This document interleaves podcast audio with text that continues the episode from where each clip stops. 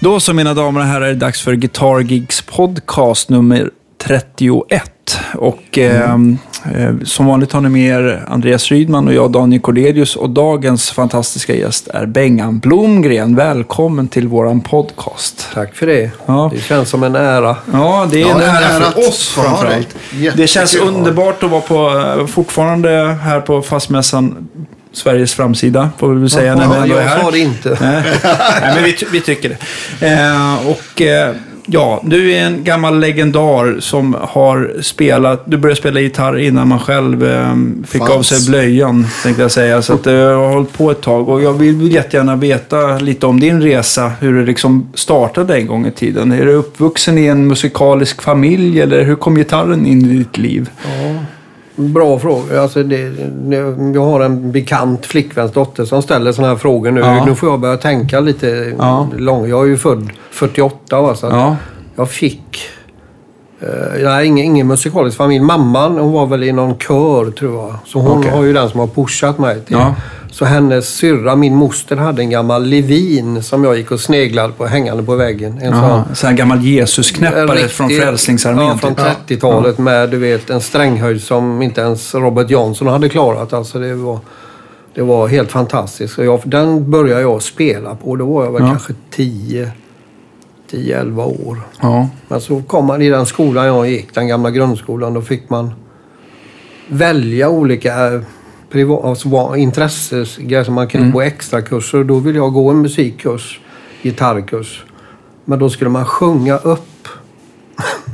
Som intagningsprov då? Ja, alltså, alltså, hon skulle se om man hade musikalisk ådra. Så att, kan lilla Bengt sjunga en låt? Och det sitter ju folk där och fnissar i kateder, eller i, du vet, bänkraden på 50-tal.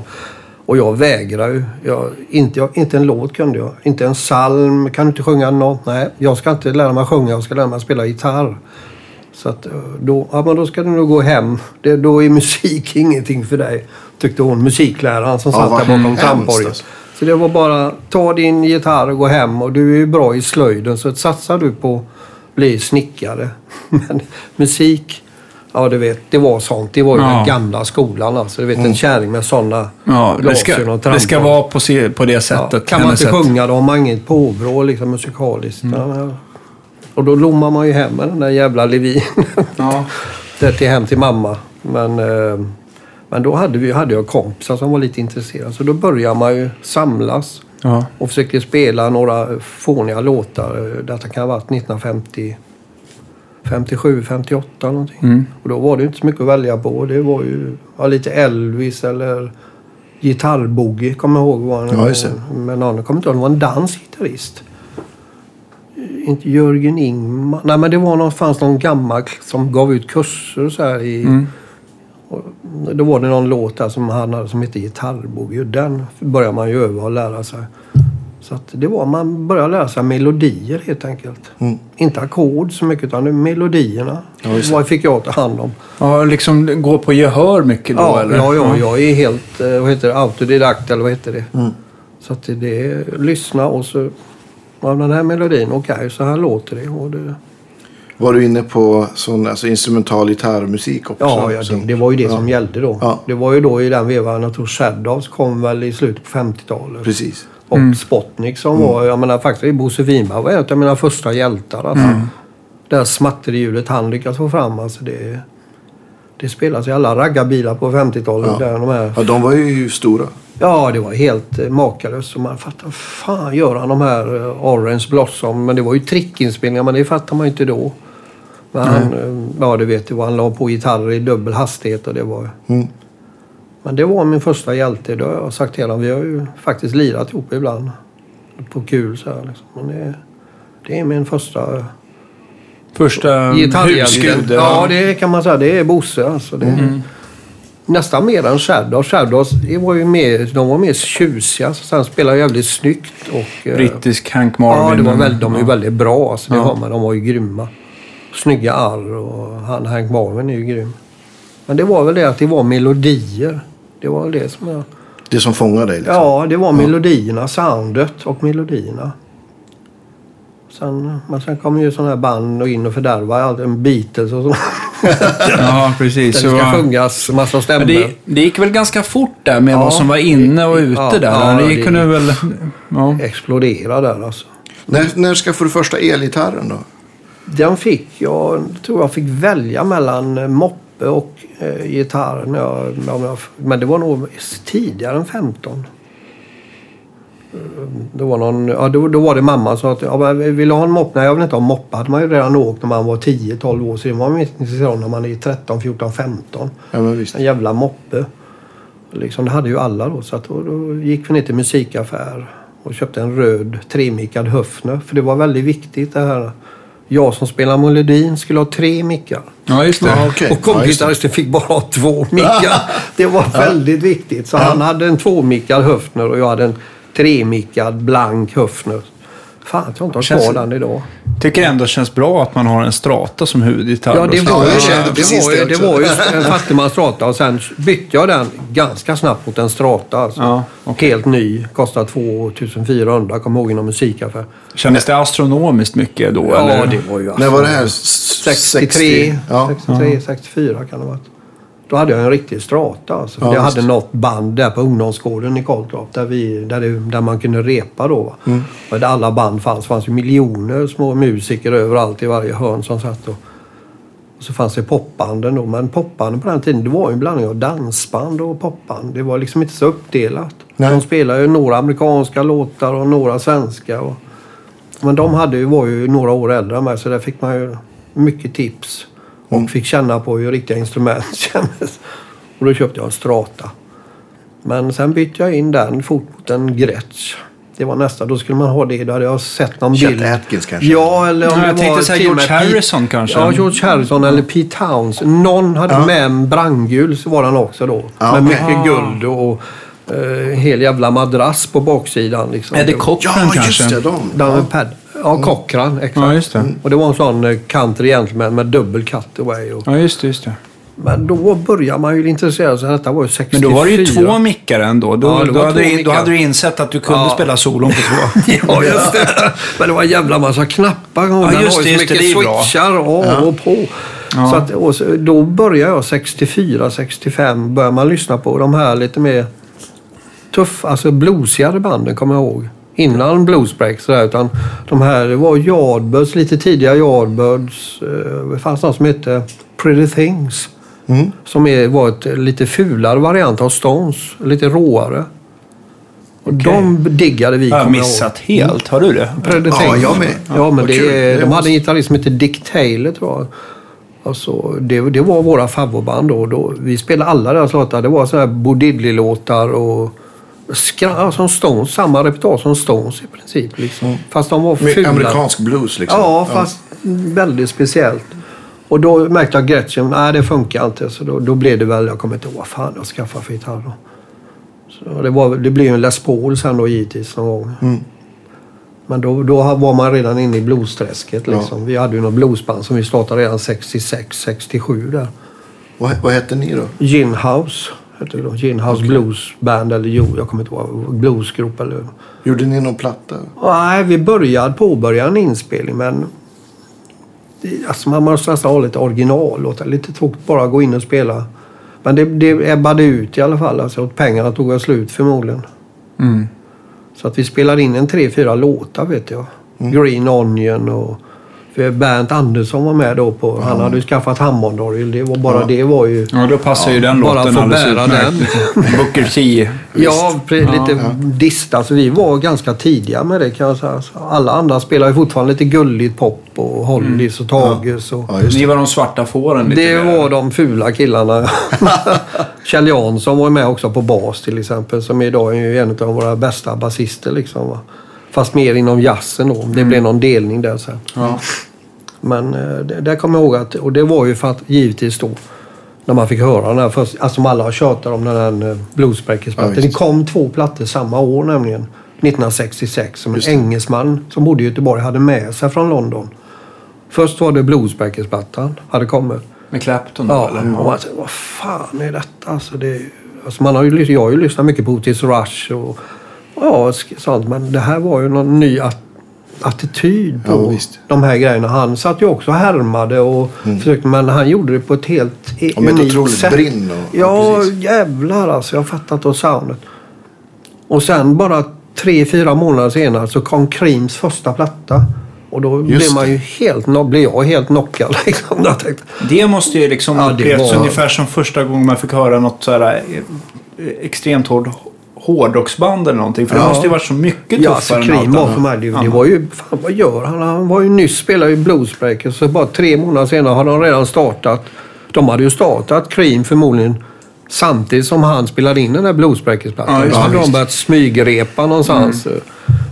Någon jävla hade snott hans gamla fina Les Paul och du vet. Liksom. Men det var, de, de två plattorna kom alltså samma år, 66 på hösten där, tror jag.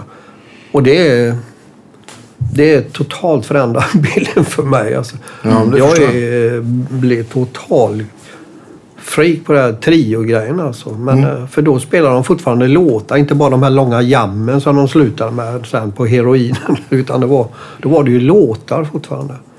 Och det, det, var, det, var, det var väldigt, mycket mer omvälvande än Beatles eller Mm. något sånt. Beatles såg jag faktiskt live 63 när jag konfirmerades. På tal om det. Och det var ju också rätt häftigt men tyvärr fick man ju aldrig höra dem. Jaha, det var mycket. Inräkning, one, two, three, för sen var det man bara 2000 tandställningar som bara liksom...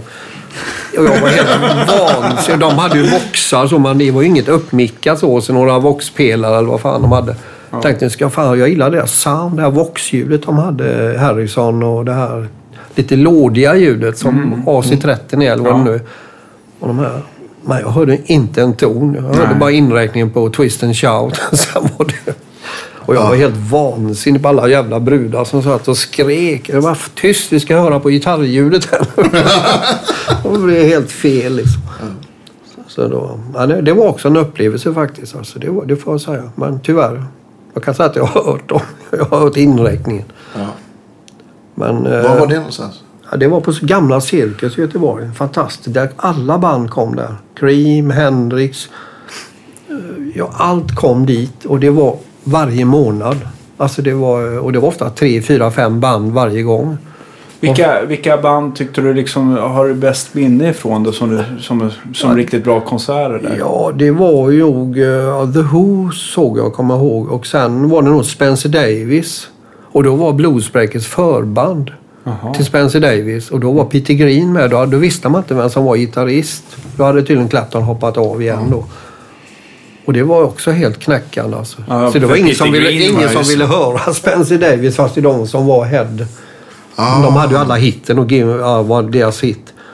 Och han var ju fantastisk i in. Men sen kom blues med de släppar in sina grejer som förband och sin egen sånganläggning. John Mayall och Peter Green hade någon 412 som han ställde på en stol.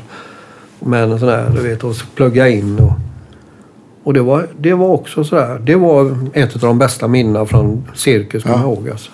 Men var det också sådär att de inte heller mickade upp? utan det var liksom, det var Jo, Ibland som... hade de någon sån här Shure, du vet en sån här Shure, vad heter den, bajonettmodellen. Okej. Det fanns en med en switch på så, Ja. så var den liksom vinklad svart. En sån klassisk. Den kunde man se ibland att de hade ställt ifrån sin sånganläggning framför Ja, gitarren. just det. såg jag. Även Cream tror jag hade. Jag såg dem en gång där också. Det var samma sak. Alltså. Det, men det var inte så mycket mickar på trummorna. Det kan vara att någon på bastrumman Mm. och så var det någon på Claptons stack någonstans. Det är någon jävla mick där men... Men det fanns Men de, det, det var ändå ett bra resultat. Om det man, är väldigt bra alltså.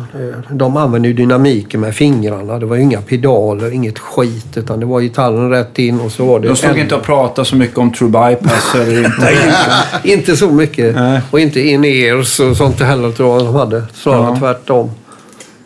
Ja, det var, det, det var Trådlöst. mycket häftiga grejer där som Ja. man fick cirkus. Det var fanns en kille som hette Styrbjörn som tog hit alla dessa band och det var allt. Du kunde se precis vad fan du ville liksom. Ja. Så att det var, ja, det var grymt. Henriks kommer då 67. Det var väl när de la om till högertrafiken. Det var också så här, men det var på ett annat ställe. Okej, men du hann att se Henrik också? Ja, ja, vi, Vi, många gånger. Vi spelade ju till och med förband till honom på Ja, med våra coolt. bluesband. På gamla cirkus. Vad häftigt. Ja, det var Hur, hur, hur, får man fråga, hur upplevde du Henriks eh, vid sidan om scen? Pårökt. Ja. Men trevlig. Ja, ja alltså vi hann inte bra. Han satt ju i en lås med, jag vet inte hur många tjejer han hade där inne i den jävla låsen och det bolma ut.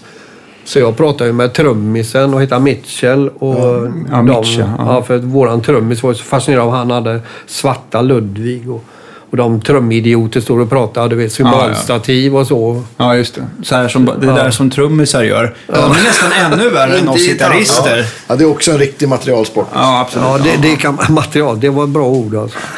ja, nej, det var lite, nej, men han var, men vi hejar på honom när han kommer ut i låsen. Men då kom han med någon, jag tänkte, vi stod ju bakom de här Marshall-lådorna, så jag tänkte jag, fan vad ser han? Han kommer ut med någon ny, jag tror det var en vit Eske. Jag är lite osäker, jag tror det var Esken eller Flying V han kommer ut. Ja, men det. var ingen strata.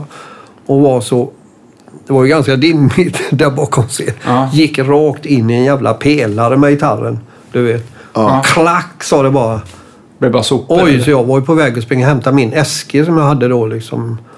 Uh, men jag kom inte ihåg, han är ju vänsterhänt så det går ju, det går ju fan inte. Men han gick bara rätt ut, pluggade in och det lät för jävligt. Han var helt av banan så han började med att stämma i, samtidigt som han sjöng. Så stämde han om gitarren för halsen måste ju ha stått så här liksom. Ja. Ja. Men till slut efter en halv låt så tror jag att han fick ordning på den igen liksom, och körde. Men det var det första minnet. Oj, shit. Men, eh, men jag har aldrig varit någon sån där... Alltså jag gillar hans studieinspelningar. De tycker jag. Ja. Där han, och jag fattar att han mådde bäst där. När han inte behöver vara cirkusartist. Liksom, men visst. Och hålla Ja, på liksom så här. Och, ja, det var inte massa oljud och Nej, jam på det och sättet. bara showa för att han ska vara showig och tända eld på gitarrer och spela med tänder. Det känns som att han har jobbat i studio så var han jävligt fokuserad på det är materialet, skriva, göra bra grejer. Alltså det, Jag läste någonstans, alltså nu har jag läst det här så att jag förstår att, men det, då kan vi i alla fall avskriva det att han aldrig rökte på innan konserten i alla fall. Ja, inte den konserten jag får. Jag vet inte. Nej, men det, det spelar, det är ju hans grej. Alltså. Ja. Detta var ju, kan det vara 68 eller något? Ja, lite Ja. svårt. Ja, år, år det, det, det, ja, någon gång. Det var inte så långt innan han försvann helt. Liksom. Så. Nej. Ja, det var ju inte så lång tid de hade de här killarna. De var ju Nej, 27 nej. bast. Ja, de, visst. Han- Precis, det var väl en treårsperiod där. 27 som- år idag känns som ett barn för fan. Ja, ja, visst. De har varit världsstjärnor i en 3-4 år liksom. Ja, men visst.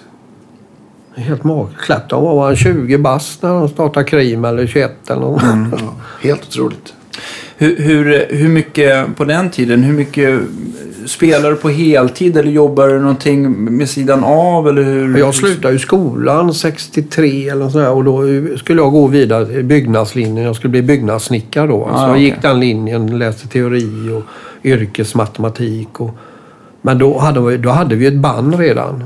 Så att, eh, Som gick bra liksom? Ja, vi spelade på ungdomsgårdarna och så det var ju det man kunde spela. Ja. Det var ju inget, eh, vi gjorde inte skivor så här, men vi var ju ett popband som var ganska populära. Och på den, alltså är det lokalt då va.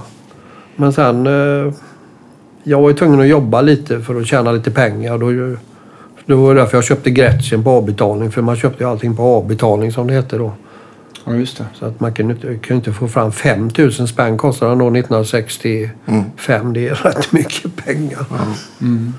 Så att det jobbar. Men sen, sen tror jag 66 eller någonting. Sex, då la jag ner och jobbade och satsade helt på musiken. Alltså. Och sen har du inte tittat tillbaka på något? Sen- Sen har jag tittat tillbaka till verkligheten. Nej, men det blev jag och Kjell Jansson, basisten. Vi kunde Ja. stå hela dagarna bara mala mellan gitarr och bas Ja.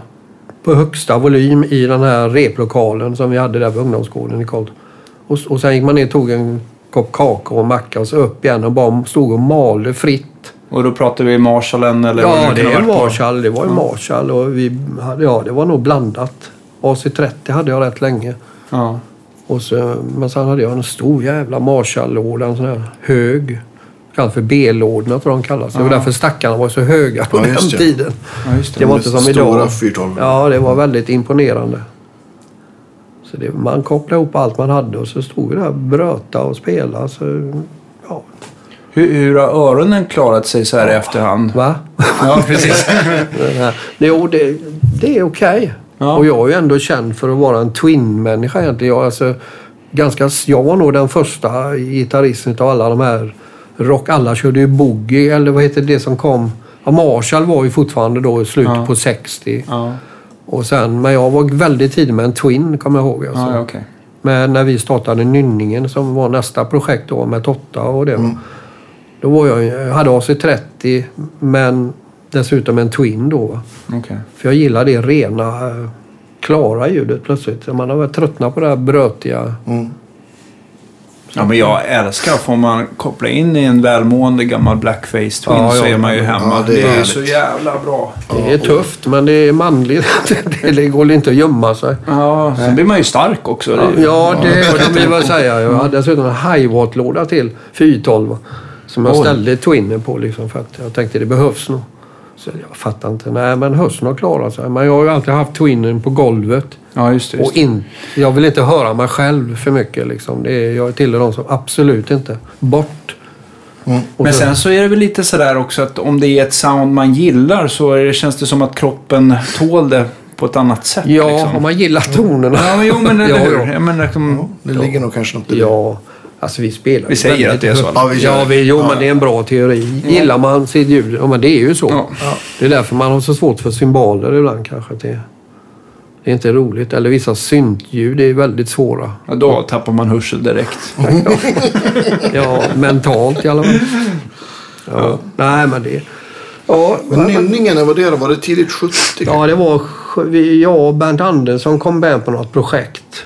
Innan Totta kom med då. Så var vi på något, kom in som, mer som inhyrda musiker på det. Den första skivan de gjorde, Thomas Forsell och Christer Öhman vad de hette. Så Bernt orgel och jag gitarr. Och sen, men sen utvecklade de då den här Majakovskij-grejen då. Att, som var nästa projekt och då var Totta skulle vara med som sångare. Och jag, då, då bildades det, det som heter Majakovskij-band, eller För full hals som jag kallar det bandet.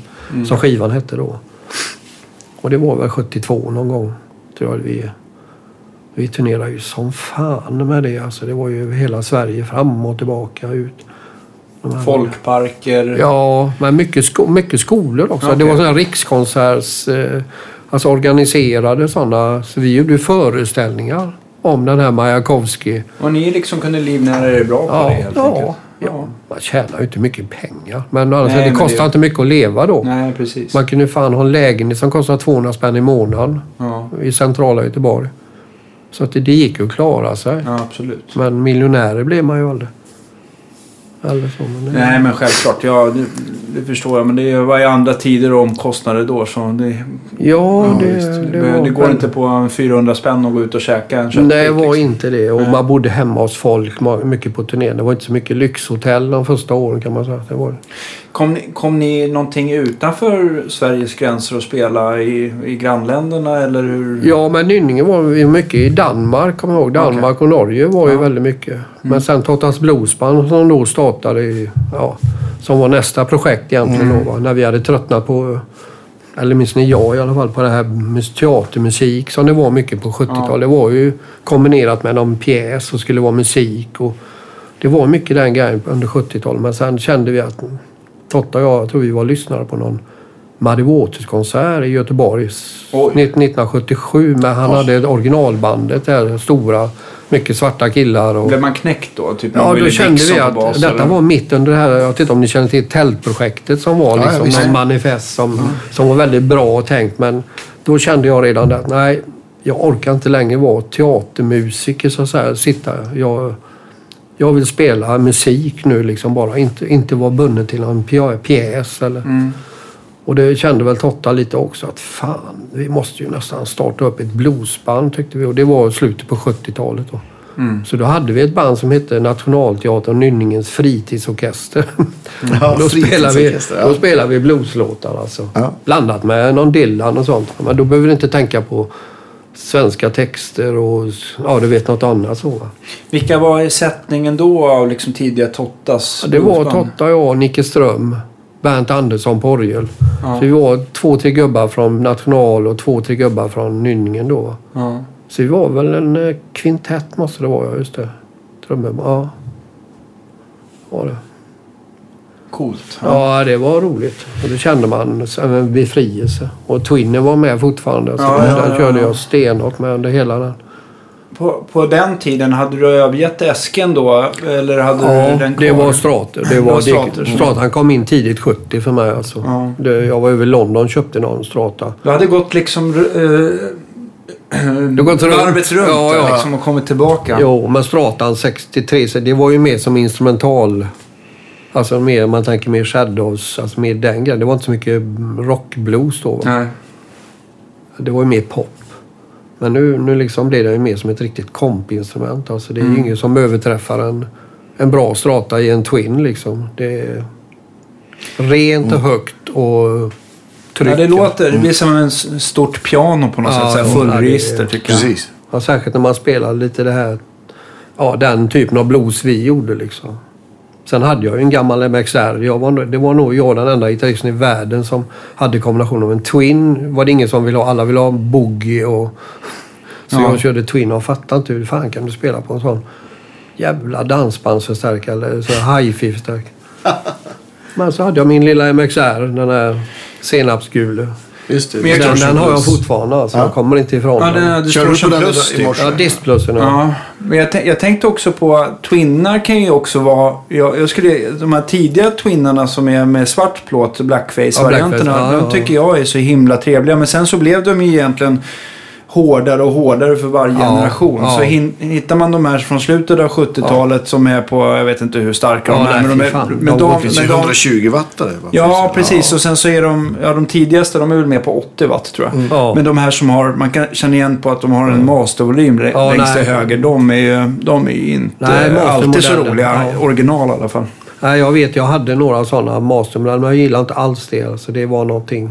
Jag hade en silverface, men det var 110-voltare ett Jaha. tag in, eh, innan jag köpte den här blackfacen också.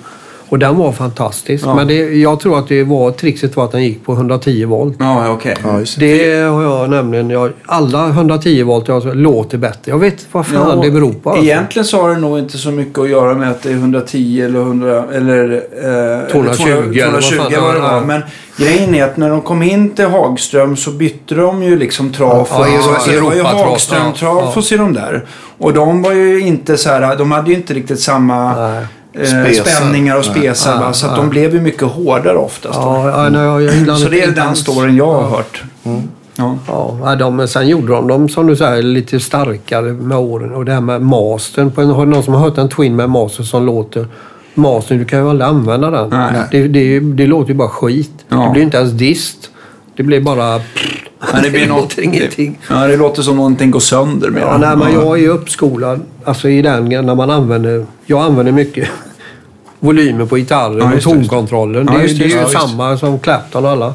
Det är ju så man har lärt sig. Plugga in, dra på på förstärkaren och så använder dynamiken här liksom. Men jag tycker också så här, en sån här Distortion Plus som du säger att du har använt. Den är ju väldigt, ställer man in den, den är ju lite så här Ja, inställningskänslig. väldigt svårt för den. Alltså, jag, jag, jag har ganska mycket. Jag har ganska nästan fullt på den höll jag på att säga. Ja, ja, okej. Men, och så men, använder jag master. Alltså då är gitarren. Det är den just, det är den som blir Ja, gain-kontrollen lite pedalen får inte bestämma min grej liksom. Nej. Den ska bara Kör, kör du stark volym på pedalen Ja, också? ja, ganska mycket. Jag har nog fan fullt på volymen och nästan, eh, ja, jag vet inte nörd, men Ja. i alla fall en 75-80 procent på gain. Jag vet inte Ja, om gain eller vad fan heter den Ja, andra? Drive ja, det, du har nog rätt där. Ja. Så det har jag alltid på ganska rejält alltså. Men sen måste man ju ha, man måste ha en förstärkare som en Twin som har lite, där det finns lite Headroom ja. headroom alltså. ja. Det får inte vara en förstärkare som låter tunt eller distig i sig. Nej. Den, Ja, då kräks det. Ja, nej, då blir det kaka på kaka. Så att, eh, nej, jag vet inte varför. Jag har gått igenom tror jag, alla jävla distpedaler i hela världen.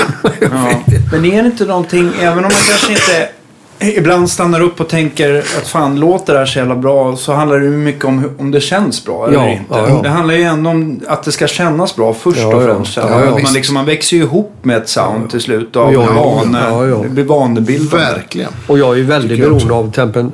Så många, de använder ju aldrig tonkontroller. För mig är det nästan det viktigare än volymkontrollen på gitarren för mig. Alltså. Men man måste ju bygga om. Man måste göra om den. Alltså stratans till exempel. Mm. Man har bara en tonkontroll precis som tele. Man Ja. använder inte fipplar mellan olika och så ändrar man värdena Nej, på det. Det, utan det så är man ju helt körd med en strata tycker jag. Men, men brukar du göra så att du kopplar ur en av tonkontrollerna och så funkar en Ja, tonkontroll jag har bara en, master, en master, precis som på en tele. Jaha, en mastervolym och en master. Jag För- fattar inte det här man ska hålla på och feppla med Nej. olika fordon. Nej, men grejen är också att en Strata original, förutom att de, eh, i alla fall de här 60-talsstrattorna, Ja, ja. jag kommer inte ihåg exakt vilket år man fick en femläge switch på den, men det var ju Ja, liksom... Det kan nog vara sen 60 eller till och med tidigt 70. Jag vet Ja. inte fan när de kom. Alltså. Sen 60 kanske. Ja, vi, jag ska forska i det. Ja, det är bra. Men, men treläges switch. Men däremot så var ju alltid standard att eh, en Strata original på stallmicken som jag gillar att spela på, den hade oftast ingen tonkontroll Nej, nej, det är ju- alls. Och den det- blir det var så tank. jävla vass. Ja. Ja, ja visst. Det är ju där man verkligen behöver. och även om tonkontrollen är ikopplad och står på fullt så skär den ju av det här liksom det värsta. Liksom. Ja. Så att jag förstår att du gillar den där modifikationen att du hade en Ja, så masterton tog jag, istället. ja, så tog, ja, jag tog bort det och så tog jag, jag tänkte jag var inte nöjd med det här värdet. Alltså det blir för luddigt. Ja. Så jag hittade en gammal Gibson-kondensator som är, sån här, som är väl halva värdet av vad Fender Ja. Brukar ha tror jag. Det är Ah. noll... Ja, det har du ju, det har ju 0,1. skilts lite grann det där. Ja. Jag vet att så här gamla tidiga broadcaster brukar man ju slänga in 100 nanofarad. Nu säger jag bara, Ja, jag vet ja, ingenting ja, någon ja. behöver komma ihåg, men bara för att säga skillnaden. Medan Gibson hade 22, det Ja, vill säga 22, en ja. femtedel då ungefär. Okej. Eh, och sen så senare Fender då ändrade de till 47 mikrofarad, men det är ändå det dubbla. Ja. Så jag vet inte. Ja, de nu, funkar aldrig. Alltså. Nej, det blir, det, de tar bort all kärna fullständigt värdelöst. Ja. Alltså. Jag fattar ingenting. Om man inte vill ha lite jazzigt, mjukt ljud möjligtvis. Ja. Men om man vill dra, det är ju därför man kan få en strata att låta som en Gibson. Det är, det är att man drar av tonkontrollen rätt mycket, drar på rätt mycket på pedalen. Så det låter ju som en... Jag kan Ja, det- få den att låta som en bra Les Paul. Liksom. Ja, liksom det sjunger Ja, ordentligt. för att du kan dra av tonkontrollen utan att du tar bort för mycket Ja. midd Annat eller ska säga. Ja. Det blir liksom... Det är jätte... Det var det gjorde jag ju redan på ja, sen 60, första stratan. Så fattade man vad fan är det här? Ja. Det, det, liksom, det funkar ju inte liksom. Lödde du och fixa själv då? Ja, ja. Ja. Det var ju... Jag menar, jag har ju varit uppfinnarjocke i... Jag vill inte ens... Kommer aldrig säga alla mina idiotprojekt. det, det finns bevismaterial på det. Jag till och med sågat sönder en Gibson-gitarr och byggde om hela kroppen. En, till en stratta istället. Ja, ja nej, men det är inte långt ifrån. Jag hade en Stratamic på min Les Paul. Aha. faktiskt, Jaha. I halsläget. Ja, Det ja. känns ju som att du har gått åt andra hållet. Man tänker de här Van Halen som sätter, plockar fram en gammal paff och sätter på sin Ja, ja. Fender-typ gitarr. Du gick Ja. åt Ja, andra men det har jag nog gjort också. Jag har, haft, jag har ju en gammal, eh, några gamla, en gammal riktig paffmix som jag har haft på en, en Telecaster faktiskt. Mm. Den gode Asner lånade på några Totta-turnéer. Han var helt förtjust i den. Alltså. Ja, just det. Just det. Men det var en sån thinline tele. Just det. Lite billig skit. Och så hade jag satt en sån gammal paffmick i bridgeläget. Och det var fantastiskt bra ljud i den. Ja. Det passar så jävla bra till... Det blir inte Gibson, men- det blir som en fet tel. Alltså, Mm. fast eh, paff. Ja, jag är ingen sån här paffnörd, alltså, men eh, det är viktigt att de, de får inte vara för starka bara. Nej, men det är väl lite det man gillar med de här gamla paffarna. Att de påminner rätt mycket om en, en bra single tele. coil. Ja, en bra Ja, tele. precis. Ja, Single det, coil. det säger ju han, jag vet inte om det han Montys har gjort några mickar åt mig. Monty, det finns en, en London-kille tror jag han är. Monty, Montys Puffs, eller Montys, de gör mickar. Okej. Och han gör ett par, han har gått igenom fyra miljarder mickar han har lagat gitarrer. Mm. Om är det en Puff han gillar så har han kollat exakt vad fan består den här av? Vad är det? Och, Ja, och hittat lite sådana. Han gör ett par som är helt grymma. Han också, det ska vara som en Telecaster, lite på steroider alltså. Mm. Lite, och så slipper man brummet. Ja, lite som en stor Telecaster. Ja, ja, exakt. Ja. Ja. jag gillar jag tanken. är Absolut. Den här hårdrocksbaggen har aldrig varit min. Men det är det att de spelar på ett annat sätt. Va? Ja, så framförallt när alla de här distmickarna kom som Ja. mäter hur mycket som helst Ja. och låter hårt. Ingen, I en ingen Twin, topp givetvis. direkt. Nej, men jag tänkte, jag tänkte, det var väl också att de, på den tiden kanske inte fanns så mycket dist i stärken och då behövde man en mick som kle, Ja, ja. klöv. Ja, det är ju ingen Klä på. ton direkt. Det, det, är ju bara, det är ju bara ett sound. Det är ju Ja. ett vräkljud. Hur, eh, hur länge höll ni, eh, höll ni på att spela med Tottas Bluesband? Fanns det under alla Ja, år tills nej, Totta fan, gick eller- bort? Eller hur? Nej, ja alltså det fanns ju konstellationer men det var mellan kan säga 80, 81, 85. Mm. Segalan var vår sista officiella spelning vi gjorde med bandet. Okej. Och sen blev vi ju, men sen startade ju Nicke och Tottan en sommarkrog i Strömstad ihop med några andra. Och då var vi husband där och det var ju... I princip samma, grund, Grundbandet var ju i Ja. princip bluesbandet fast Ja, vi hade ibland blåsare. Och men materialet var inte blues bara då. Det var ju Mm. ja, låtar som Totta gillar liksom. Dylan-låtar, Lou Reed, Mm. blues, vad fan som helst liksom. Så grunden har ju funnits då men det var väl de tre, fyra, fem åren vi höll på alltså. Ja, just det. Sen har det återstått upp i variationer. Men Totta gick ju in sen 90-talet där i sin svenska katalog. När han hoppade av, slutade med Nationalen och startade sina soloplattor då. Mm. På svenska. Så att då, Men det var du med på också? ja, jag är nog med på dem. Det är väl någon platta jag inte är med på. Men jag blev involverad. Varför vet jag inte. För att han jobbar mycket med Stockholmsmusiker då. Lasse Englund. Eh, Dan Hylander var ju producenten då. Efter de fyra första plattorna. Så det blev ju hans musiker som han hade i Stockholm. Ja. Men jag eh, på något sätt blev inringd ändå på några av plattorna. Och så, så det blev så ändå att man kom in i den ändå. Jag var ju också med i Nationalteatern på 90-talet när de återuppstod. Ja, just det. Men eh, det... Ja, Totta tröttnade ju först då. Någon gång 96 och sen eh, jag tröttnade. När han försvann, då försvann sångprofilen med bandet. Ja, just det. Det blev liksom gästsångare hit och dit. Olika jättebra men det, profilen fanns ju inte kvar Lite jag. magin var borta. Ja, eller? det blev liksom inte på riktigt. Det blev mer som ett partyband bara. Va? Tycker jag, för mig.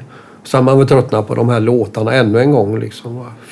Det måste jag säga. Men så det var ju bra att Nicke de bestämde att starta om med nya unga killar. Ja, just det. Hå, vad heter han? Hå, Håkan Svensson på gitarr och Mattias Hellberg på sång. Så det, då blir det en, eh, en nytt blod in i bandet tror jag. Mm. Ny, och det, det var nog nödvändigt tror jag. Och då höll jag och Totta på att härja med hans grej. Liksom, så, att det, så det kändes roligare för mig tycker jag de originallåtarna än att spela livet i en fest hela tiden. Ja, Liksom. men visst. Ja, det Inget ont om det, folk Nej, nej, älskar det. Men Nej, men alltså jag- gör man någonting kan inte väldigt göra- ofta, alltså som publik, då hinner du ju se låtarna kanske en, två gånger om året, Ja. inte vet jag. Men när du står med det där vecka ut och vecka in, det, det skulle alla ledsna på. Ja, nej, men det blir, det blir som det blir ju. Visst, det är ju bra pengar och det är mycket publik och det är trevligt. Och, men det, Mm. Det, det, är lite, det var lite själsligt dödande på slutet kände jag. Det blir, Kräftgång. man Liksom. börjar mer tänka på vad är närmaste grogg? Vad en törstig Vad är Ja, det är farligt. Ja. ja, men ja. Ja, men det kom, jag såg dig eh, med Totta och Johan Lindström tror jag. På ja, vi jobbar mycket. När han kom in då eh, som producent så blev vi trio, en trio. Mm. Båda akustiskt och som är lite musiker. Ibland Sörjo var med ibland på bas. Och, Ja, just det. Så det var lite olika konstellationer där, beroende på skivan. Jag såg er på... Jag spelade där. måste vara... Du kanske kommer ihåg. Det var på Holmöns visfestival utanför Umeå. Ja. Så spelade ni. Ja, det stämmer. Det var inte vi med där också? Jo, exakt. Ja, ja. Och jag var där och spelade med en tjej som heter Josefina Sanner tror jag. Och jag kommer, det var, ni gjorde en fantastisk spelning. Ni spelade så fint du och Johan kommer jag ihåg. Ja, ja, jo, vi var- hade hittat någonting där som var lite elektriskt och akustiskt. Alltså, Mm. Ja. någon, vi är inte vanliga trubadurgubbar någon Nej, precis. Jag, Inte ens jag har för mig att du spelade stratto ganska mycket Ja, slide. ja, ja, precis. Och han spelar lapstil ibland och ibland Precis. hade vi några nedstämda gamla ackigurer. Som, så det blev aldrig det där vanliga vistrubadur. Nej. Johan eh, Lindström, han är helt Ja, fantastisk. han är ju för fan det som Totta sa. Vad någon har kallat dig geni, glöm det. Det är Jan Lindström som är geniet. Och det, han har ju liksom det. Jag ser bara nu de här dagarna så när han spelar med tonbruket. Ja, eller- visst. När vi, alltså, jag fattar, vad fan sysslar han med liksom? Det, men han tänker i, som man säger, pedalstilen är ju inte counterinstrument för honom. Det är ju det är som ett keyboard. Alltså. Ja, visst. Han tänker ju i klanger och du vet, det finns ingen gräns. Nej. Liksom det, det är bara, Han känns så fri på något ja sätt. ja, totalt. Vi ska liksom, vi får ta tag i honom och... Ja, Ja, du har inte gjort något med honom men... Nej, Nej, nej, precis. Han har stått på önskelistan sen Ja. ruta ett. Ja, men han, är väl som, han kanske inte gillar Ja. att prata så mycket. Han, gillar Jo han kan sitta och spela. Vi ska få honom att prata. Ja, ta in en, ka- en kava. En kava? Det, okej. det är hans. Ja. Då är det klart. Då vet vi. Då är det klart. Perfekt. Tips från Bengan. Hälsa det. En flaska kava så kommer han och snackar. Ja. Nej då. Är... Bra, alla har någon svag punkt. Precis. Vad är din Andreas? Ja, har du någon svag? Har du också kava kanske? Ja. Man blir ju lite bubblig i kroppen Ja, alltså jag, alltså jag, jag gillar ju faktiskt, det upptäckte jag bara för några år sedan, men jag gillar ju bubbel väldigt mycket. Champagne gillar jag. Och, Jaha, sådana fina grejer. Ja, Ja, eller kava går lite bra. mer Kava går bra också. Ja, jo. prosecco, vad som Ja, helst. Var det lite... Var det Ja, inte men för det- sött? Det får inte vara socker. Nej, men precis. Jag Nej. Ja, okej. Nej, men då ska vi inte för söt kava Ja, till Lindström. Ja, det Ja. fixar vi. Absolut. Jo, han, är- han är det är klart han är, men han, har ju, han är ju så busy. Jag fattar inte. Jag och Nicke satt och pratade. Hur fan hinner han med allt? Han skriver arr till symfoniorkestrar som eh, han säger Ebbot ska gästa någon och köra några Beatles-låtar. Då skriver han ut arren för det, för 40 man. Och sen tonbruket ska dit och det är Arne Brun där och det är liksom Rebecca är väl senaste nu tror jag, Törnqvist som han har producerat. Som kommer väl nu. Och sen är det, alltså det, det är bara musik. Jag fattar inte. Jag blir dödstrött på musik eh, ibland. Jag orkar inte höra ett C-maj-ackord nu på tre veckor. Nej men du vet. Men han det är bara... Men jag tror att det är så himla enkelt för honom. Det är liksom att Ja, det skriva det där, det är som att läsa DN för en annan. Ja, ja, men han är ju nästan analfabet på morgonen. Men musiken är bara liksom... Det, det bara finns där alltså. Och så är han ju så...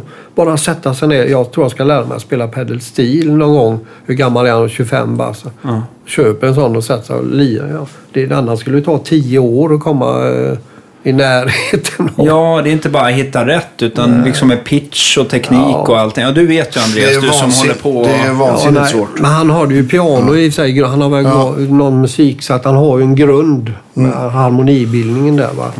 Så att han kan tänka i så. Det, men det, det, han är, det känns nästan fånigt att sitta jämte honom när han sitter och spelar. Fast han tycker att jag är jävligt cool och bra. Liksom, men det blir Ja, men ändå- kommer jag ihåg det. Jag såg, såg jävligt fånigt. er två med, med Totta var att ni kompletterar varandra väldigt bra. Det kändes som ja, men, vi ömsesidig respekt. Ni gjorde. Ja, jätte, ja, jättefin absolut. musik.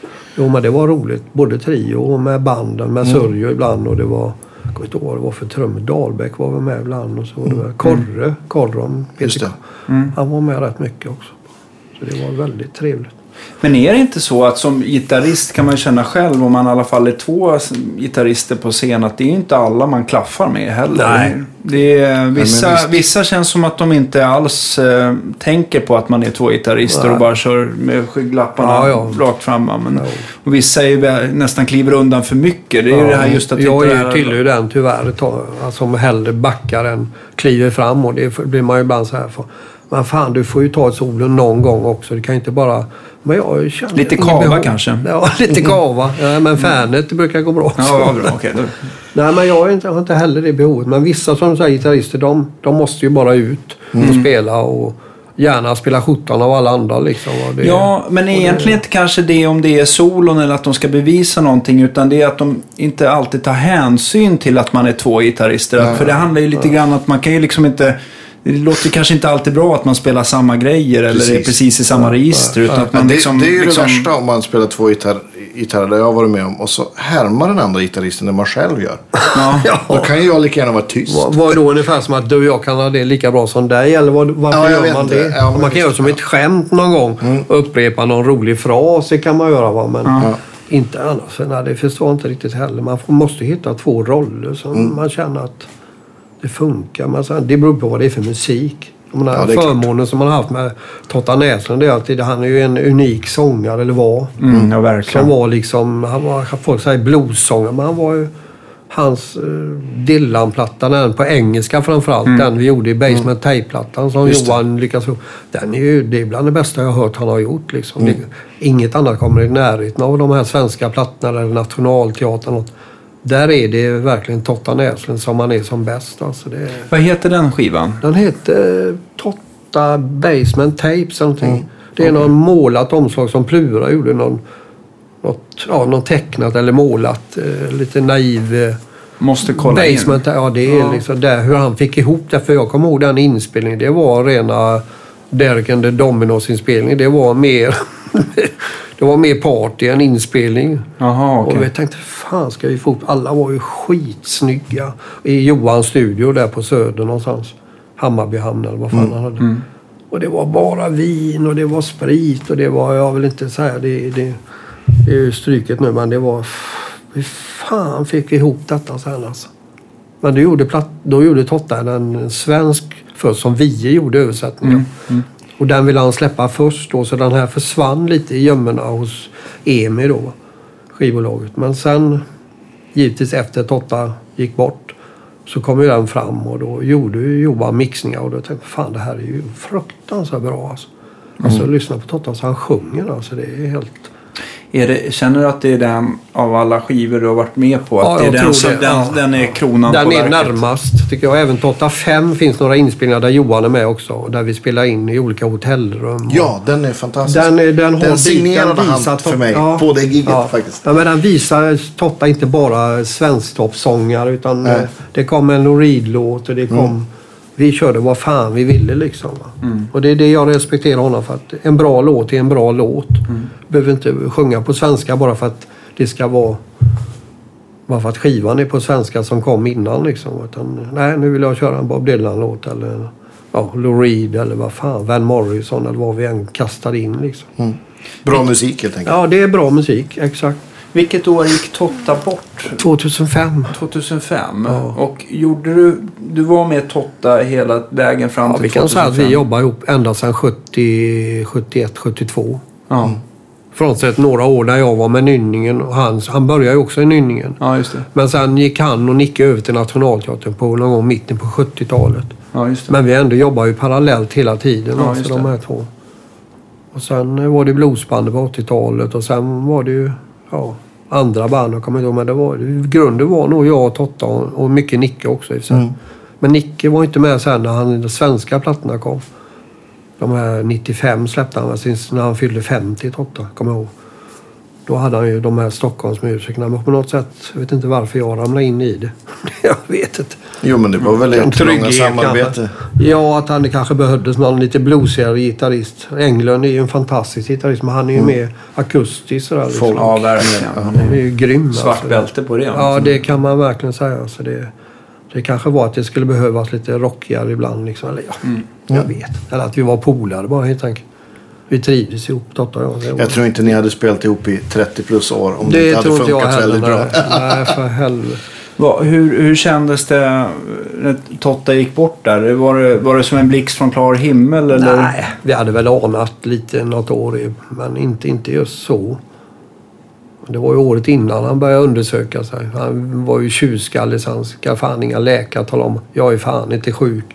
Men sen var han ju tvungen att krypa till sjukhusbänken då och ta prover. Och det var 2004 då. Kom ihåg, vi var mitt ute på turné då, kommer jag ihåg. Jag och han så då lånade min bil och stack ner och gjorde den där provtagningen. Och det visade sig att det var ju någon så här tjocktarms... Ja, någon tumör som Ja. satt. Mm. Och det är ju inga bra grejer där. Det är mycket mjukdelar och skit. Men de opererade under hösten. Så då låg vi ju nere då med bandet. Och det gick det ju bra då tyckte han. Och han var väldigt glad. Han hade ju ont så in i djävulen när vi skulle starta om tidigt 2005. Men, så det höll ju ett tag. Mm. Och sen fyllde han ju 60 då, första april. Och då märkte man att då började det bli kast igen. Liksom, att Då kom det tillbaka. Ja, just det. Just det. Så var vi i USA då en sista sån pilgrimsresa. Då kunde han ju knappt gå men han skulle lika förbannat åka med dit. Till Chicago och det var Mm. Minnesota, Dylans hemstad. Och, ja, han ville göra de grejerna. Ja, men han vill få det gjort. det var hans sista grej liksom. Så då åkte vi ett litet gäng dit och gjorde det liksom. Och spelade. Men han orkade ju två, tre låtar. Men då var Mattias Hellberg med som stödsångare så han fick hoppa in då liksom. Ja, just det. Mm. Och sen när vi kom hem gjorde ju den här Dillan på svenska då. va. Med Vie. Gick vi in och gjorde den och sen var det ju tack och adjö. Så att det var, ja, det var klart det är tufft. Ja. Det är ju ytterst få sångare som har, man känner som gitarrist. Jag sjunger ju inte va. Så det är så skönt att ha någon som Ja. har den grejen liksom. Och tar hand om mikrofonen så tar jag hand om gitarren liksom. Alltså. Mm. Och det var självklart bara liksom. Det var inga konstigheter. Hur, blev, hur blev första tiden efter? ehm, Ja, det var ju konstigt. Det blev ju mycket så här hyllningskonserter som jag inte riktigt förstod. Eller du vet. ja. Ja, eller det skulle vara så. Men eh, det var okej alltså. Men det är klart att det blev ju ett jävla tomt. Det blev det. Ja. Ja, det är Hittar, du något annat att göra musikaliskt sen? Eller hur? Ja, vi fortsatte. Lindström och jag och Nicke, vi fortsatte lite men Jag jobbade med några andra killar. Ola Bjurman, en, en dalmas, som Ja. var med idag. Han flyttade ner till Göteborg och sen var det väl lite... Mats Ronander, vi hade ju ett bluesband där Mm. en period. Ronander Blues. Och det var ju Nicke och jag och trummisen som var med då. Så det var ju lite, men... eh, Ja, det blir ju lite avbräck, det blev det ju. Mm. Men eh, jag är ju gammal också så jag känner att jag be- behöver inte turnera hela tiden. Nej, precis. Av ekonomiska skäl skulle jag behöva det men jag orkar inte alltså. Det, Mm. det känner jag. Ja, det sliter ju på. Ja, det blir för... Fan, jag blir ju 70 år nästa år liksom. Så att jag, man höll på nu i, fan, länge. Hur länge har Schaffer på? 55? Men det vet väl du Andreas som har spelat med han ja, länge. vi pratade om det för ett Ja, tag sedan. Jag kommer inte ihåg. Ja, Schaffer är ju... Han är något år äldre än Ja, mig. han tror är, jag. blir väl 72 tror jag. Ja, han är samt åtta. Han är nog fan 45 ja. Just det. Så han Han har nog ett par år till godo på mig tror jag. Ja, han är still going strong i alla fall. Men Ja, ja, visst. Ja, vi, vi han. intervjuade ju honom, jag kommer inte ihåg, men det var ju...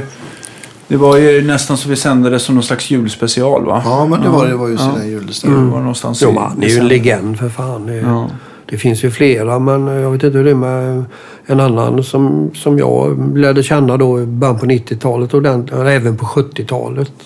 Ja, 60-talet, det var ju Wilander. ja, just När det. han lirade med Peps. Just det. Rose Quality där på slutet på 60-talet. Han var ju fantastisk också. Så han var ju sån här med Mick Taylor. Just det. Den eh, attityden på när han spelade. Jag var ju mer, eh, kanske mer galen som han var. Han var, spelade jävligt snyggt. Men sen kom ju ABBA in i bilden. Ja. Och säger jag inte mer. Nej. Nej, men jag fattade ju ett Nej, men världsband det, som var fan. absolut, de hade nog kul. Ja, det tror jag definitivt. Och Malla var ju med också då. De var ju två gitarrister. Ja, det är sant. Hur, hur, eh, hade du någon kontakt eller träffat på Fjällis någonting? Ja, ja, där har du en också en gammal god vän. Ja. Vi blev väldigt goda vänner under... Jag tror han var ute med Thomas Wiehe, hade något band. Ja, Mikael Wies bror. okej. Så att han, vi- så träffades vi då under tiden. Så vi har ju känt varandra väldigt länge och vi blev ju väldigt nära vänner. Jag bodde ju oftast hemma hos honom i Malmö. Men Ja, just det. För innan Han, han, bodde i innan han blev riktigt dålig. Alltså. Va? han bodde i Malmö hela sitt liv. Ja, ja, det tror jag. Absolut. Jo, men vi blir ju verkligen soul brother alltså. Ja, för han var ju också otroligt duktig bluesgitarrist. Ja, ja, ja. Men han gick in i den här Steve Ray Vaughan. Han blev ju... Det var ju hans stora gud ett tag där. Alltså. Mm. Och det, men han var ju grym. När han gick in i det här Robert. Vi gjorde en Robert Johnson-platta tror jag. Mm. Där Det var den första jag hörde. Ja. Då var ju jag och Skoglund och... Jag kommer inte ihåg Peps var med också. Vi gjorde just lite olika inspelningar, både live För han, det var väl rätt mycket peps för hans del Ja, också, ja, det va? var det ett tag där. Han var ju med där. Men sen kom ju tyvärr de här demonerna in liksom i hans liv. Så det var ju tragiskt. Det här, Är, är det, var det bara psy, psykiskt eller, Ja, eller var det både och. drogerna som Ja, det, ställde jag till ska det? säga det här rökandet alltså. Ja. Jag vet inte officiellt, men jag menar det var, det var ju väldigt, för jag vet jag pratade med Peps om detta liksom. Det var ju det att det kom, kom ju sån här genmanipulerat gräs som ska Okej. för skunk och det. Ja, det kom ju mycket konstiga saker som Peps teori var att det är inte bra för vissa hjärnor och sånt. Alltså det, det blir nå- om man nu har någon, jag vet inte om han hade någon, kanske någon grej mentalt med sig, Fjällis, någon, någon form Jo, av visst, diagnos det- eller något va? Ja. Det, det, Jo, men det kan, det kan trigga. Ja, jag vet. Det, det, Det vi pratar aldrig om det utan vi bara lirar ju och hade Ja. jävligt roligt ihop liksom. Men på slutet var det fruktansvärt jobbigt när man... Han fick ju sitta inlåst på någon psykanstalt eh, i Malmö och ville bara ut och Mm. försökte ju flera gånger av, av, avsluta liksom livet med olika saker. Liksom. Och vi försökte ju många. Där Nicke var ner och alla försökte stötta honom. Och vi spelade ihop någon gång med Peps. Och då ville han att jag skulle vara med som stöd då. Ifall att han ballade ur liksom då. Ja, på någon konsert i Malmö. Det tycker jag. Stuntgitarr. Ja, lite så. Bara vara med. Jassa lite bakom. Han, jag har ju också sett han så här, även om han liksom hade Stevie Ray Vaughan som husgud. Ja. Jag tyckte att jag, jag hörde några så här när han spelade liksom så här gammal nästan så här swing blues, jump blues ja, grejer. ja, Han var ju sjukt duktig på den här riktiga old school Absolut. bluesen. Ja, men också. han hade verkligen kollat in eh, den katalogen. Absolut. Det var inte bara Silver, men det var lite... Man märkte att det blev en kick för honom också. När det här, hans energi som Steve Ray hade. Liksom, där. Han var liksom Malmös blueskung på den tiden. Det på kan gitarr. man säga, ja. Ja. Han var ju puritan också. så- du Ja. vet, eller han gick inte in och spelade vad som helst. Liksom. Nej, nej. Han var ganska eh, tuff på det sättet. Konsekvent. Och du hade Göteborgsterritoriet med då? Ja, hade han om det. Ja, det är bra. Nej, men det fanns väl extremt mycket bra gitarrister överallt. Så det, Ja, det har väl alltid funnits. Sen är det ju det är sammanhanget som avgör tycker Ja. jag. Om, om det, jag menar, Schaffer är ju bra på sin grej. Ja. och Wilander var ju bara... Alltså, folk har ju olika... De här, man hinner man ju inte höra alla gitarrister. Va- Jojje, han har ju varit med suttit med här och lirat i våra Mm. Frukostbandet. Han är ju också fantastisk. Men det är en annan skola liksom. Ja, han har ju med den här New York, LA. Precis. En, en lite annan, det, om man ska säga lite mer fu- fusion. Vet jag inte om det ordet Jo, jo, existerar. jo, det- Gör det det? Finns ja, det fortfarande? Ja, men när vi, vi, Ja, man kan lira blues och man kan lira jazz och man klarar mycket liksom. ja, vi hade ju en inspelning med... med vi körde ju med Jojje här också innan, innan jul. Ja. Och det var ju också... Man eh, anar ju inte hur mycket han har liksom varit med Nej, och spelat med. Det är helt otroligt. Men han, men han erkände väl själv att han är väl en fusion-gitarrist någonstans. Ja, man nu, Kort jag brukar kalla för confusion. Brukar det bli. Om man inte vet vad fan hör jag hemma. Vi har- beredd att vi har hålla- med om den ja, ja. Nej. ja, men Jag har alltid försökt vara väldigt enkel. Jag Ja. lite, och så fort det blir för så då känns det lite konstgjort för mig. Alltså. För andra är det helt naturligt att lira sådana här Ja, men det kanske var det Totta gillade med dig. Att det var liksom, de visste exakt vad du hade. Liksom, Ja, jo, visst. och levererade den. Texten ska fram. Det är det som är det viktiga tycker jag. Ja. Sången. sången har alltid varit det viktigaste. Jag har aldrig. Mm. aldrig varit att gitarrsolot ska vara det viktigaste. Alltså, men, jag menar, det finns ju de banden. Ja, där ja, sången bara är något jävla... Någon jävel som står och gapar där fort undan så vi får börja spela solo liksom. Men med Totta var det låten är ju kung, tycker Ja, jag också. det är det. Så är det Mm. verkligen. Det är ju det det går ut på. Jag läste faktiskt en intervju med han Steve Cropper, om du känner till. Ja, ja visst. Uh, Booker T, Booker. som har varit spelat med allt och alla. Ja, Stax husband där. Ja, det var en fin rubrik. Solo is boring. Lead is boring. Ja. Grooven är själva grejen tycker Ja, jag. Jag kan stå fem timmar och bara spela tjacka, tjacka, tjacka bakom Otis Redding eller Mm. vad fan det var. Va?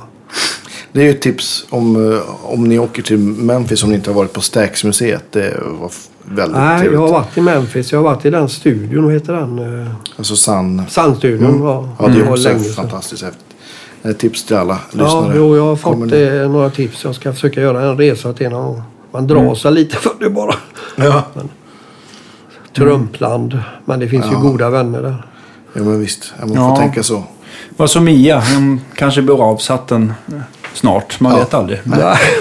Eh, då tänkte jag på, eh, hur ser det ut idag då? Du kör lite sp- sporadiskt med lite Ja. olika artister och... Ja, det blir projekt. Det är ju det här som jag säger nu. nu är det någon, eh, vi har ett band som brukar spela i Hagakyrkan Mhm. med Gunnar Frick som någon form av kapellmästare och hans, hans fru är ju då kyrkoherde. Och då, har vi olika musik. De har mycket musik. Ja, ja. Och jag är ju ingen, definitivt ingen religiös kille kan jag säga. Nej. Men det, har, det är bra musik. Mm. Vi har gjort allt med ja, Kent Norberg har vi gjort några sådana här countrykvällar och Nina Persson Ja, just det. gjorde vi en, någon form av Dolly, jag tror det var en Dollykväll. Och, så. Och nu är det Amanda Werner som är det nya, Göteborgs nya stjärnskott som ni måste kolla in. Hon har ett band som heter. Slow Gold. Det måste, Okej. det hon är helt fantastisk. Fräck på gitarr och lite flummig sång, så här skön alltså. Lite Så hon ska folk? göra Coen-grejer Okej. och det har jag aldrig varit med, gett mig på. det fick jag inte för Totta. Nej, vi spelar inte Coen. Han gillar ju Coen. Ja. Så det var... Nej, det, var Det för var lite, un, kanske. var lite untouchable kanske. Ja, det var lite för, för damigt. Nej, jag vet inte. Men, men vi ska göra en grej. Så det, det är sådana projekt. Det är bra att hålla hu- igång huvudet. Nynningen är ju Ja. ute ibland också Ja, just det. faktiskt. Ja, Det, är ju Thomas Forsell där som är den ledande och håller fanan högt. Och han vill ju gärna. Han tycker det är så mycket bra låtar från den tiden som vi borde spela. Och vi gjorde ju succé då när vi Ja. spelade på Pustervik här. Sålde ut hela... Vi tänkte, fan det kommer väl 50 pers till detta att lyssna på. Men det var helt... Det var roligt. Unga människor. Ja. Pustervik är ju ett väldigt roligt ställe att spela på det, tycker jag. Det är en riktig rockklubb. Alltså, eller bra klubb. Ja. Och så kan de minska ner det beror på vad det är för akt och sådär. Liksom. Mm. Eh, Ljudet vet jag inte ännu riktigt om de har. Det, det är lite det är så högt i tak och så. Mm. Men eh, jag, det är tur att det finns. Ja, det är kul att det bevaras har, bra. Stockholm har lite mer tror jag, sådana ställen. Sådana här Debaser och allt vad fan de heter. Ja, men Debaser har ju Ja, blivit stängt, av ja. med... med av, de hade ju en jätteball lokal vid Slussen där. Men Ja. där, där har de ju rivit upp allting. Det finns ju Aha. knappt en sten kvar där tänkte jag säga. Men, Och nu försvann Medborgarplatsen ja, det ska, Ah, de, ja, för ja. de ville flytta biblioteket 50 meter. Så de Ja. fick ju sticka därifrån. Då. Ja, så att det, Hemskt faktiskt. Ja, nu har, nu har ju Debaser har ju trots allt eh, strand nere vid Hornstull Hornstull, där, vid, det är vid kvar. Bergsundsstrand. Och det är, det är ju ett bra ställe. Men Ja, det är liksom, de andra låg så himla bra till. Det var Ja, ja. lättåtkomligt Ja för men alla. visst. Och, och Medborgarplatsen och ett fristående hus. Och det var ju Ja, ja. Jag tyckte nog att det var en av de bästa ställena att spela på i Stockholm. Mm, jag håller med. ja, ja Någon sa att Göta källare ska försvinna också. Jaha. Det är ju också. Jag tror att allt det där äh, blev... Ja. blev, Ja.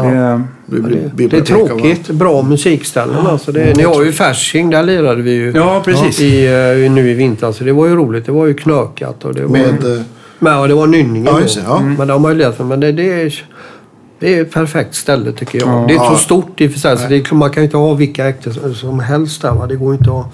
Men, Nej, det, men det är alltid- det Nej, funkar precis. alltså. det är trevligt. Det är men som våran Nefertiti. Precis. Ja. Det är Men liksom- ni har nog fått, haft mer tur med att behålla de här klassiska ställena än vad Stockholm Ja, har. det kanske faktiskt. vi har, ja. men Stockholm har lidit Och fan, jag ganska trodde- mycket. Ja, ja. Mm, Tycker jag.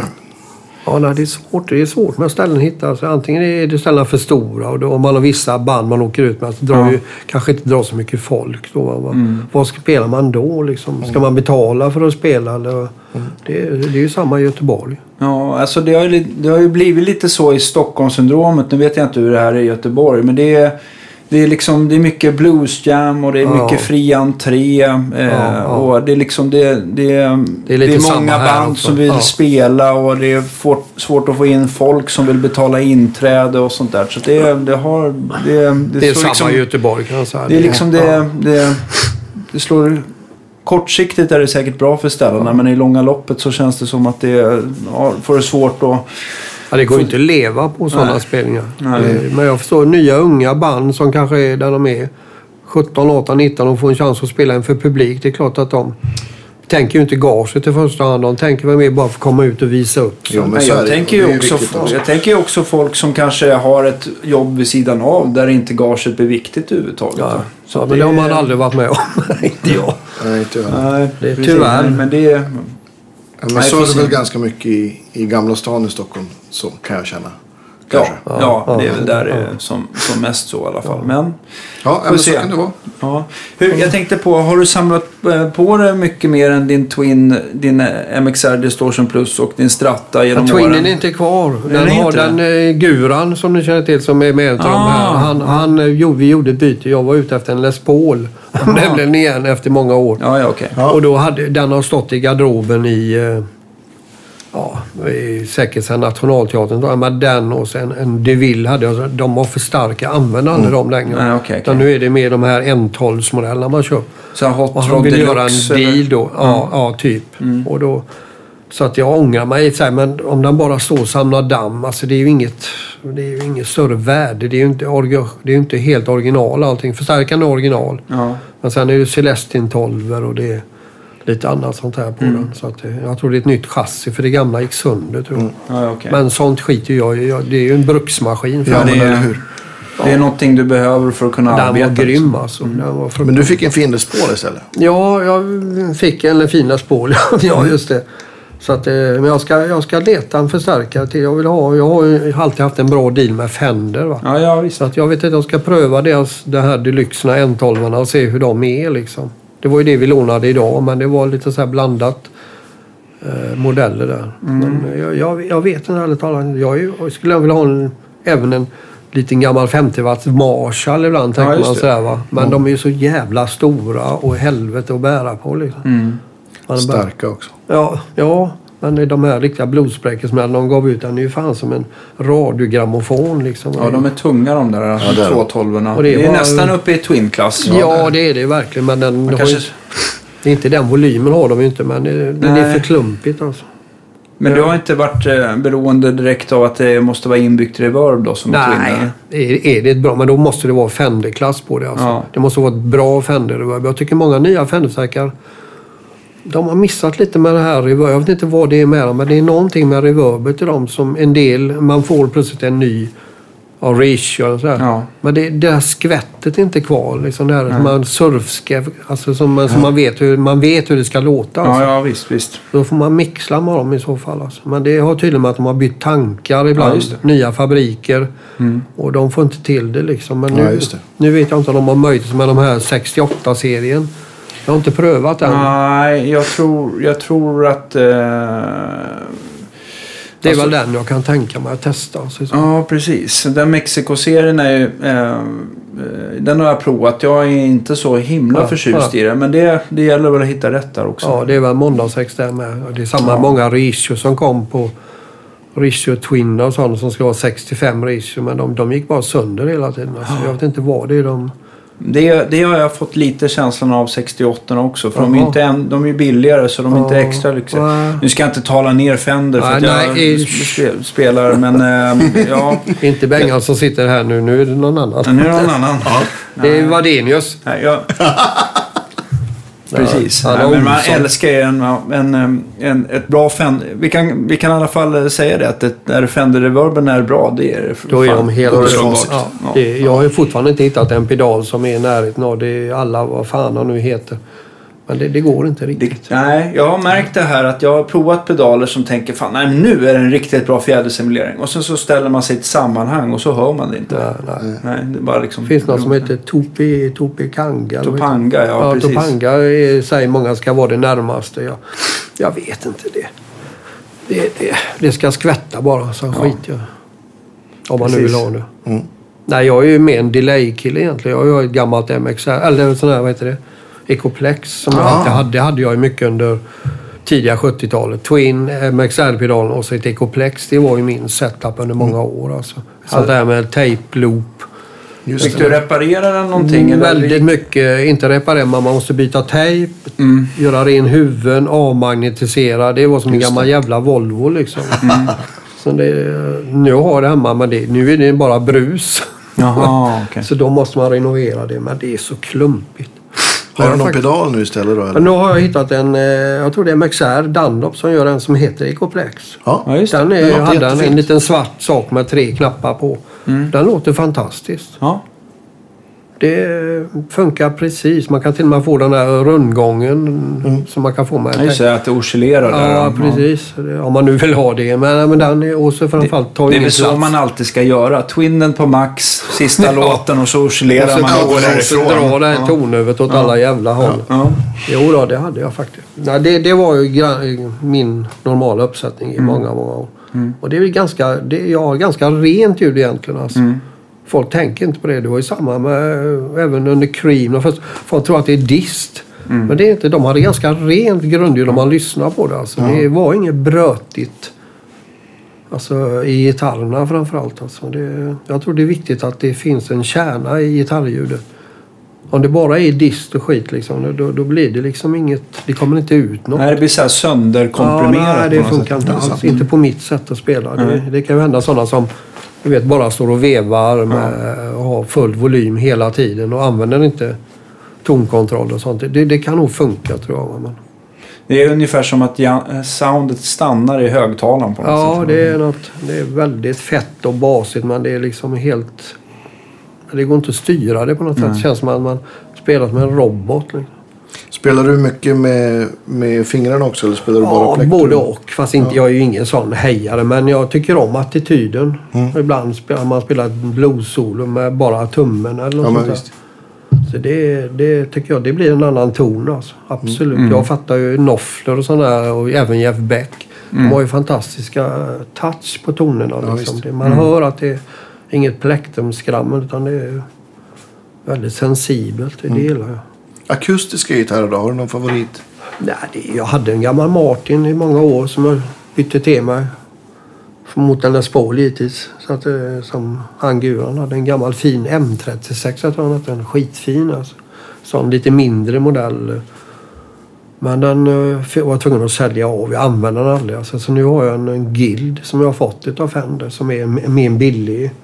Som jag, jag gillar ju träigt ljud. De har- Jag slidar ju mest backe. Jag är ju ingen sån här trubadurvevar. Alltså, utan Nej. Jag tycker som trätonen. Och plugga in den med en sån soundhole-mic in i en Pro Junior. Det, det är grymt ljud alltså. Jag har en gul Pro Junior. Det är min fav- favoritförstärkare kan jag säga. Den har hängt med i alla år. En liten sån gul jävel med en tia. Ja, visst. Och jag har bytt utgångstrafo på det. Det är det första man ska göra. Alltså. Mhm. Den brann upp givetvis. Men det lät bättre efter? Ja, jag har efter... satt in en deluxe-strafor helt enkelt. Det var någon Ja. som tipsade mig om det och det, det blir lite mer headroom. Ja, just det. Ja, men den, är ju, sta- den lämnar ju några watt till. Så. Sen kan du ju läsa, det var någon som tipsade om en Fender-guru, någon sån där .com. Det Mm. finns någon tips och det, det är alltså om man har en deluxe till exempel. Nu är det nördavdelningen. Ja, men, ja, Det men absolut. Då var det att, att sätta in sexels, alltså de stora Fender-rören. Ska, så får man ställa om biasen bara. Då får du den här, en helt annan headroom på den här Mm. Ja, lilla eh, 22 watten eller vad den nu är. Den Tänkte du på den eh, Blackface eh, Ja, nej, Deluxen? va? Eller Tweed? den, den heter väl Deluxe, heter den inte Deluxe M? Det finns ju Deluxe och Deluxe Reverb. Så att det är väl egentligen de... Ja, den det är väl ja. Jag Den med reverb. Ja, det är väl den vanliga klassiska Blackface-modellen. Eller, den gör, finns ju även silver. En 12 22 watt. Ja, just det. Just Men det, tydligen de rören där går tydligen att switcha över till sådana 6L6 som de här Twin-rören heter då. Mm. Ja, just det. Ah, stora. Men man får ställa om och helst ska man ändra högtalarimpedans och så. Men Ja, just det, just det. är tydligen några norska gitarrister som jag har läst om. På den här som tydligen bygger om sådana här och som använder det. Några norska kända gitarrister. Jag vet inte fan vad de heter. De har för att få lite mer headroom i, i den här lilla... Ja, ma- alltså eh, det är som du säger, ett par 6V6er. Nu, nu har det här också att göra med vilka trafos och sånt där Ja, som, ja, är, ja, som är. Men alltså ett, ett par, eh, ett par 6V6er, de kan ungefär lämna, ett sånt par kan lämna ungefär en, en 20 watt. Ja, det är väl Men- som El84-rör Ja. eller typ den nivån. Ja. Medan ett par 6L6er, de kan ju Ja. lämna tillsammans Ja, ja. 60 watt i rätt omständighet. Ja, så det är, en, det är en helt annan, det är en, Ja, det går en tydligen annat för- tak i dem liksom. Mm. Och tydligen tål, tål även traforna ska tåla en sån om man byter rör. Så du behöver inte ens tänka på det tydligen. De ska, så då får du upp den kanske till en 40 watt eller något sånt där. Mm. Men sen får man ju se om man gillar soundet. Och man, eh, Ja, det styr över lite annorlunda, Ja, men det är ju ja. besläktat. Så att Ja, jag ska nej, inte säga ska att det blir något helt annat. Ja, det är sådana idiotgrejer som jag. Jag är ju hela tiden nyfiken på Ja, men hur det kan jag få ut maximalt av den här lilla Pro Junior. Ja. Ja, jag byter utgångsraffor.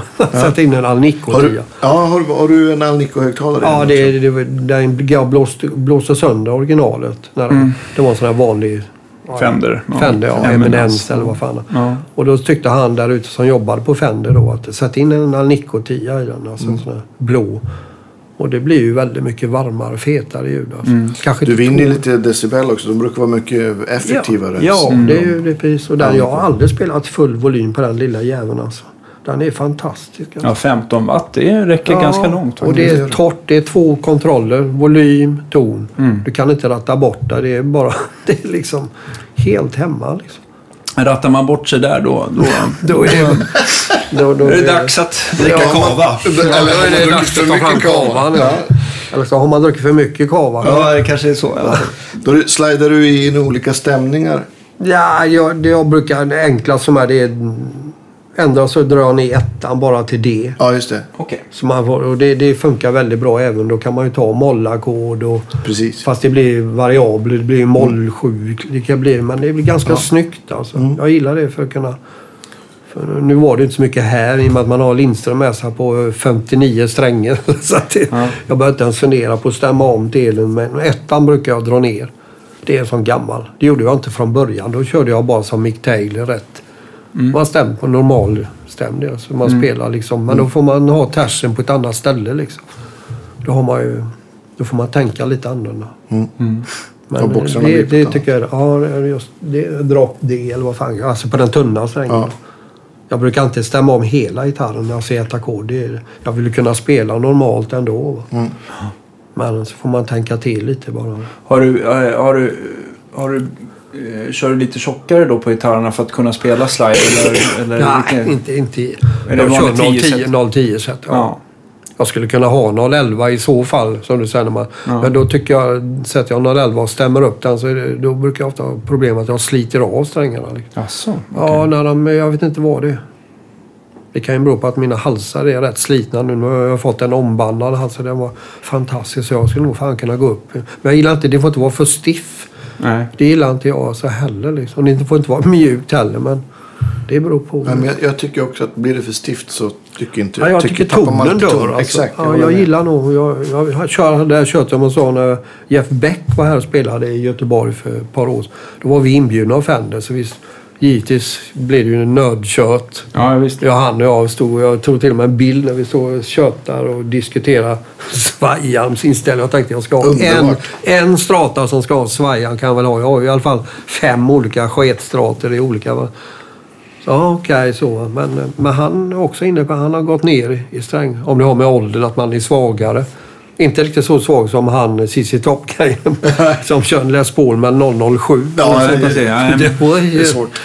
Billy Gibbons. Gibbons, ja just Ja. det. Men faktum är att Bluesbreakers, Clapton, där, där han körde, alltså det fanns ju inte rockset. Nej. Så han hade alltså två stycken 008 ettan och tvåan. Jaha. Alltså om det var oktavsträngar till en tolvsträng eller om det var banjo. Jag vet Ja, inte ja, vad. precis. jag man, man brukar plocka någon sträng och så flyttar man ner hela sättet så att A-strängen blir E-sträng. Ja, man hade alltså 008 på ettan och du kan tänka på Les Paul alltså. Men ändå låter det. Alltså han, han måste ha en jävla koll på uh, vibratot alltså. Och det är ju hans signum tycker jag. att han- Ja, det, är, det är lätt att det blir lite Bambi på hal is det, det kan det bli verkligen. Så jag fattar inte. Men det, man, så gjorde man på den tiden. Kommer jag ihåg. Man hittade en oktavsträngar. Eller banjosträngar. Jag kommer inte ihåg vad fan det var man hade som var, som var lite tunnare. då. Jag har oftast tyckt, tyckt att jag, jag ska gå ner, för jag kör ju 11 nästan uteslutande. Men eh, varje gång jag går ner så tycker jag att fan, när jag sitter hemma så känns det helt fantastiskt grymt. Och så kommer jag på scen så känns det för Ja, då är adrenalinet Ja, tar ju det... Och Så jag håller det- med dig. Det, det, där Det har känner väl lite man- med spelstil att Ja, också. men man satt hemma sitter man ju med lite mjukt och fint. Men kopplar man in och så... Jaha, nu blir det nog lite mjukt. Man kan vänja sig, men jag, Ja. ja. Nej, jag, jag tror att i alla fall att just att köra väldigt tjocka strängar är ju inte bra för lederna i alla fall. Om man ska bända lite. Ja. Fjällis på tal om det. Han, han fick ju först att Steve Vaughan hade åkt 013 set eller vad Ja. det nu var. Eller 14. Som kanske var nedstämd en halv ton då. Eller Ja, ja visst, det är lite skillnad. Men jag kände ju, spelade ju på hans start. Alltså det, jag tyckte den var helt död i tonen alltså. Det, Det försvinner, alla Ja, övertoner ja, försvinner ju om ja, det blir för tjockt. Liksom. Visst, man måste ju bända då Albert King. Det vet jävlar. Men alltså det blir ju fan till slut var ju fingrarna. Det var ju bara blodigt. Det är slut. Tycker, har man så tjocka, jag tycker då G-strängen tycker jag blir helt död. Det låter, låter konstigt till Ja, för, en, en, om man, för att vi... Det är väl ingen av oss som spelar med spunnen G-sträng. Det är ju hopplöst att bända Ja, med. framförallt Men, går de ju av oftast väldigt fort. Alltså. ja, men alltså om man ska köra så tjocka strängar då blir ju, då blir ju den här eh, G-strängen den blir ju så här 020 022. Ja, det, blir bara, det, låter så här, det låter så här oigt och helt... eh, Ja, nej. Ja, Det känns väldigt Det spelar ingen roll hur mycket band och hur stora band man har. Det, blir, det är för stumt för mig. Alltså. det, det är jag tycker döda också. tonen. Alltså. ja. Vad, vad kör du själv? Ja, det är bara 010 eller Ja. jag, jag har aldrig varit spet men jag tror 010 är... Ibland har jag haft 011 set faktiskt också. Mm. Men då ibland får jag byta ut 11 till 10 då va. Men eh, beror på vad det är för gitarr jag har. Mm. Jag har de jag har också en Fender-gitarrerna 10 har det 10 ganska kilo. slitna halsar så det är inte så mycket band på mina de favorithalsarna jag har där. Nu fick jag bandat om en tele så nu kan, skulle jag kunna gå upp till 011 men jag ska faktiskt prova det. Alltså. Det är, det är, man, liksom, man blir nästan häpen ibland hur stor skillnad en ombandning gör. Ja, ja, jag har aldrig gjort det förr. Jag har aldrig bandat om gitarr. Men det blir som ett nytt instrument Ja. och allt känns lätt. Och, Och det är gjort jävligt bra. Den snubben som gjorde det, var- han visste precis vad jag ville ha. Jag vill inte ha ingen järnvägsräls. Nej, Och han, precis, det var, det. det var helt makabert bra. ja, alltså. det bänder rent och... Ja, snyggt. Och han Vem var det som gjorde det åt dig? Var det det var en en- lokal förmåga En här? kille, nej, han är tydligen var känd legend från, om han är från Växjö egentligen. Han hade något som heter Helges Håla. Ja, ja, ja. Ja, ja, ja, En musikaffär tydligen. Han är ute tydligen på nätet ibland och tipsar. Och han, det är en riktig jävla nörd.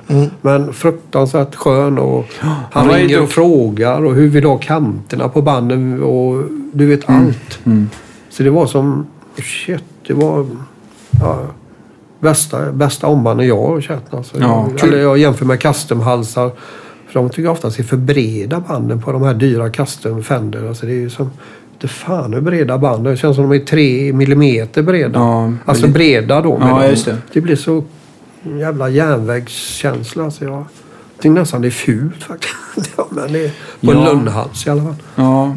Just när det gäller stratterna har du liksom, för att jag själv tycker att det kan vara lite skillnad tonalt i alla fall mellan lönn och eh, Rosewood Ja, det är det Är det ja. Men också spelkänslan. Ja, är det någonting ja. du har föredragit där? Ja, eller? jag har alltid varit lugn, lugnhals, eller på så här lugnhals. Ja. Att jag har eh, faktiskt skaffat mig som gage när vi spelade för Fender här Ja. för några år sedan. Då kunde vi ta ut.